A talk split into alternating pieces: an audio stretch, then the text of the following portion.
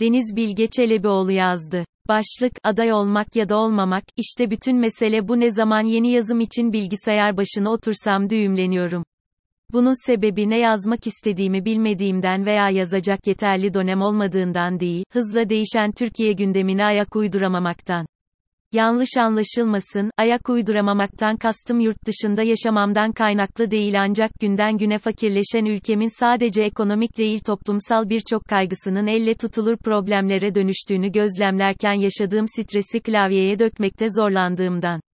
3,5 aydır Kanada'da yaşayan biri olarak, politik yol dünyadan köşemdeki bu yazımda Kanada'dan bahsetmeyeceğim.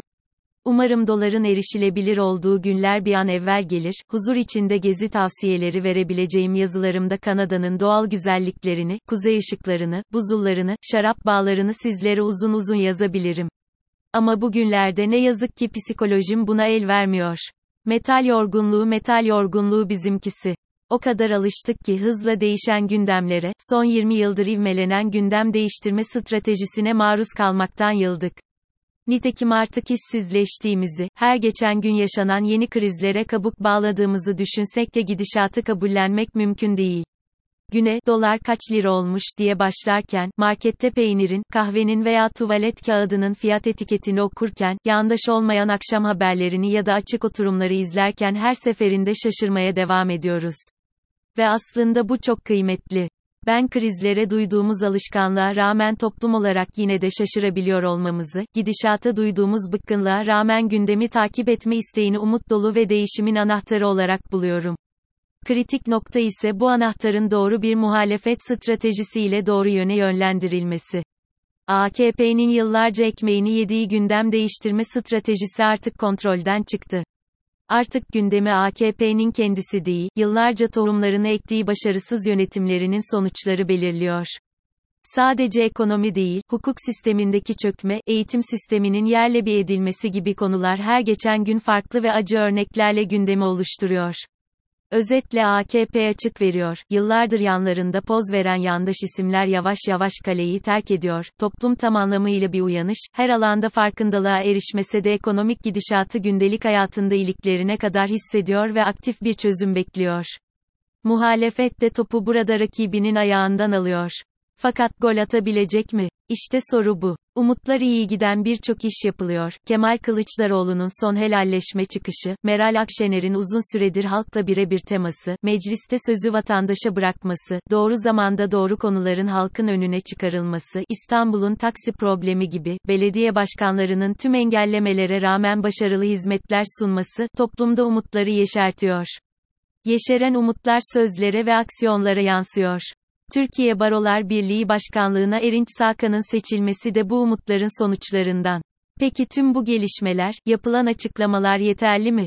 Kişisel hedefler, egolar olmaması gerektiği halde masada mı? Toplumdaki eksik ne? Ve muhalefet bu konuda neler yapabilir? Bu soruların yanıtı öyle tek köşe yazısında verilebilecek kadar basit ve net değil maalesef. Fakat şu açık ve net ki her zaman, her koşulda daha iyisi yapılabilecek iken bugün Türkiye'de muhalefetin atağı henüz başlangıç seviyesinde. Derdim kesinlikle muhalefetin tüm çabasını görmemezlikten gelmek, silip atmak değil. Aksine iyi giden gelişmeleri daha da iyileri takip etsin diye naçizane bir yazı kaleme alıyorum. Neden böyle düşündüğümü açıklayacağım. Aday kim? Son zamanlarda muhalefetten çok hükümet yandaşlarının peşinde olduğu konu, Millet İttifakı'nın Cumhurbaşkanı adayının kim olacağı. Millet İttifakı'nın elinde büyük bir koz var, Cumhur İttifakı'nın adayı belli ve değişmesi imkansız. Fakat Millet İttifakı'nın adayı bir muamma. Masada oyunculardan birinin eli tamamen açıktayken diğer oyuncuda hangi kartların bulunduğundan kimsenin haberi yok. Bu stratejik bir hareket olarak Cumhur İttifakı'nın seçim hazırlığını zorlaştırarak, kime karşı yarıştığını bilmeden er meydanına itilmesine sebep oluyor. Bu sebeple, Abdülkadir Selvi gibi isimler ısrarla yüz köşe yazısından 99'unda Millet İttifakı'nın adayının kim olacağını anlamaya çalışıyor. Nokta. Fakat benim aklımdaki soru şu, acaba bu gizem Millet İttifakı'nın bir stratejisi mi, yoksa içinde oldukları bir anlaşmazlık mı? Millet İttifakı'nın bu durumu gerçekten bir koz olarak kullanması için aday hakkında antınt kalmış olmaları gerekir ki Kemal Kılıçdaroğlu'nun potansiyel adaylığı hakkında ittifak kabul ederse onur duyarım gibi açıklamalarından böyle bir el sıkışmasının henüz gerçekleşmediğini anlıyoruz. Kemal Bey son aylardaki çıkışlarıyla artık iyice Cumhurbaşkanlığı adaylığına soyunuyor. CHP'den bugüne kadar hiç yeşil ışık gelmese de toplum nezdinde potansiyel aday olan Ekrem İmamoğlu ve Mansur Yavaş isimleri adaylıktan siliniyor ve belediye başkanlıkları vurgulanıyor.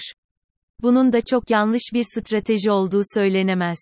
Türkiye raporunun Kasım ayı raporunu yorumladığımda Kemal Bey'in son dönemdeki cesur çıkışları ve toplumun yaralarına dokunan açıklamaları bireysel olarak Kılıçdaroğlu'na güven artışı sağlasa da son yapılan anketlere göre Millet İttifakı'nın oy oranına yüksek bir katkıda bulunmuyor. Kararsız seçmenin oy oranı gittikçe artıyor ve bu artış onlara yeterince kulak verilmediğini veya yapılan hamlelerin yetersiz olduğunu gösteriyor. CHP'nin ve Kemal Kılıçdaroğlu'nun henüz netleşmemiş adaylığına karşı Meral Akşener'in netliği Millet İttifakı'na güveni artırıyor ve aynı zamanda Cumhur İttifakı'nı korkutuyor.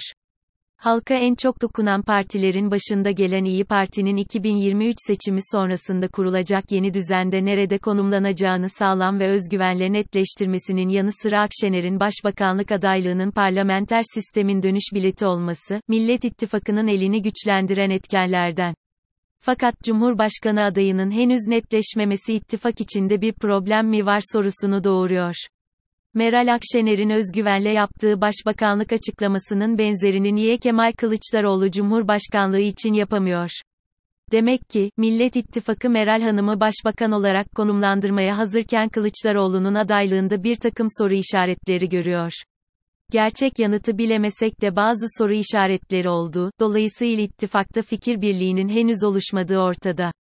Büyük resme baktığımızda, Millet İttifakı içinde devletin en önemli koltuğu için böyle bir soru işaretinin olması seçmeni mutlaka güvensizliğe itecektir. Mevzu Kemal Kılıçdaroğlu'nun şahsi adaylığından bağımsız, ittifakın herhangi bir aday üzerinde anlaşamaması. Burada aklıma gelen soru şu, madem ittifak Kılıçdaroğlu isminde anlaşmakta zorlanıyor, Kılıçdaroğlu neden ısrarcı? Israrcı değilse neden gündemde onun ismi sıklıkla konuşuluyor? Türkiye'nin içinde bulunduğu durum kişisel hedefleri veya egoları asla kaldırabilecek durumda değil. Zaten bu sebeple, hepsi birbirinden farklı muhalefet partileri AKP'yi hazırlıksız yakalayarak, parti ajandalarını rafa kaldırıp, önce ülke, diyerek bir araya geldi. Dolayısıyla Kemal Bey'in kişisel bir hedef uğruna böyle bir hataya düşmeyeceğine inanıyorum. Fakat benim kişisel inancımdan ziyade, durumun böyle olmadığına yani Kemal Bey'in kişisel bir beklentisi olmadığına, kendisi eğer aday ise en güçlü isim olduğuna dair somut göstergelere ihtiyacımız var, burada yanlış anlaşılmak istemem. Seçmene gerekçeleriyle neden Cumhurbaşkanlığı için en güçlü ismin Kemal Kılıçdaroğlu olduğu açıklandığı sürece Kemal Bey'in adaylığına kişisel olarak herhangi bir itirazım yok. Benim sorguladığım asıl mesele şu, Kemal Bey en güçlü aday ise neden vatandaşa ittifak içinde bir çelişki hissettiriliyor ve yapılan itirazları çürütecek bir fikir birliği oluşmuyor. Küçük değil, seçimde çok kritik bir öneme sahip olan %17'lik kararsız seçmen grubundan bahsediyoruz. Tüm mevzu her sabah doların nasıl rekor kırdığına uyanan bir milletin yaklaşan seçimlere hazırlanışı. Milletin toplumsal ve ekonomik krizlere alışık olmasına rağmen her geçen gün daha da karanlıklaşan geleceğe karşı bir şey yapma isteği var. Bunun başlıca yöntemi de sandığa gitmek. Fakat bunun için güven ortamının oluşturulması, beş benzemez denilen muhalefet partilerinin armudun sapı, üzümün çöpü demeden bir araya gelebileceğinin kanıtlanması, Millet İttifakı'nın bir an önce adayını netleştirmesi, adayın ismi hemen açıklanmasa bile ortak bir söylem ile ittifaka resmen vardıklarının halka duyurulması gerekiyor. Böylelikle %17'lik kararsız seçmeni ve toplumun farklı kesimlerini kapsayacak topyekün bir güven hareketine imza atılacağına inanıyorum. Sonuç niye politik yol dünyadan köşesinde Kanada'yı yazmadı da Türkiye'yi yazıyor diyeceksiniz. Haklısınız ama işte vatan böyle bir şey. Yurt dışında yaşayan AKP sempatizanları gibi, burada kurulu düzenimiz olmasa Türkiye cennet vatan, demeyeceğim tabii ki. Fakat sessiz kaldıkça beyin göçünün artacağına üzülerek inanıyorum. Benim gibi bir şekilde hayalleri ve kişisel amaçları doğrultusunda yurt dışına yerleşmiş kişilerin edindiği değerleri ülkesine katkı olarak sunacağı bir Türkiye istiyorum. Geleceği karanlık değil, bilimin ve hukukun ışığında aydınlık bir Türkiye istediğim için nerede olduğumdan bağımsız edindiğim her tecrübeyi vatanıma nasıl geri verebileceğimi düşünüyorum. Bunları sağlamak için de güçlü bir muhalefete kendi adıma ihtiyaç duyuyorum. Yazımın başlarında da dediğim gibi Millet İttifakı güçlü bir başlangıçta, fakat henüz başlangıçta. Yapılanlar büyük ve önemli adımlar, fakat anketlere bakıldığında gidilecek yollar olduğu da aşikar. Muhalefetin ivmelenmesi, doğru kararları doğru stratejilerle belirlemesi ve tamamen birlik olması gerekiyor. Bir sonraki yazımda bu birlik olma konusunu ele alacağım.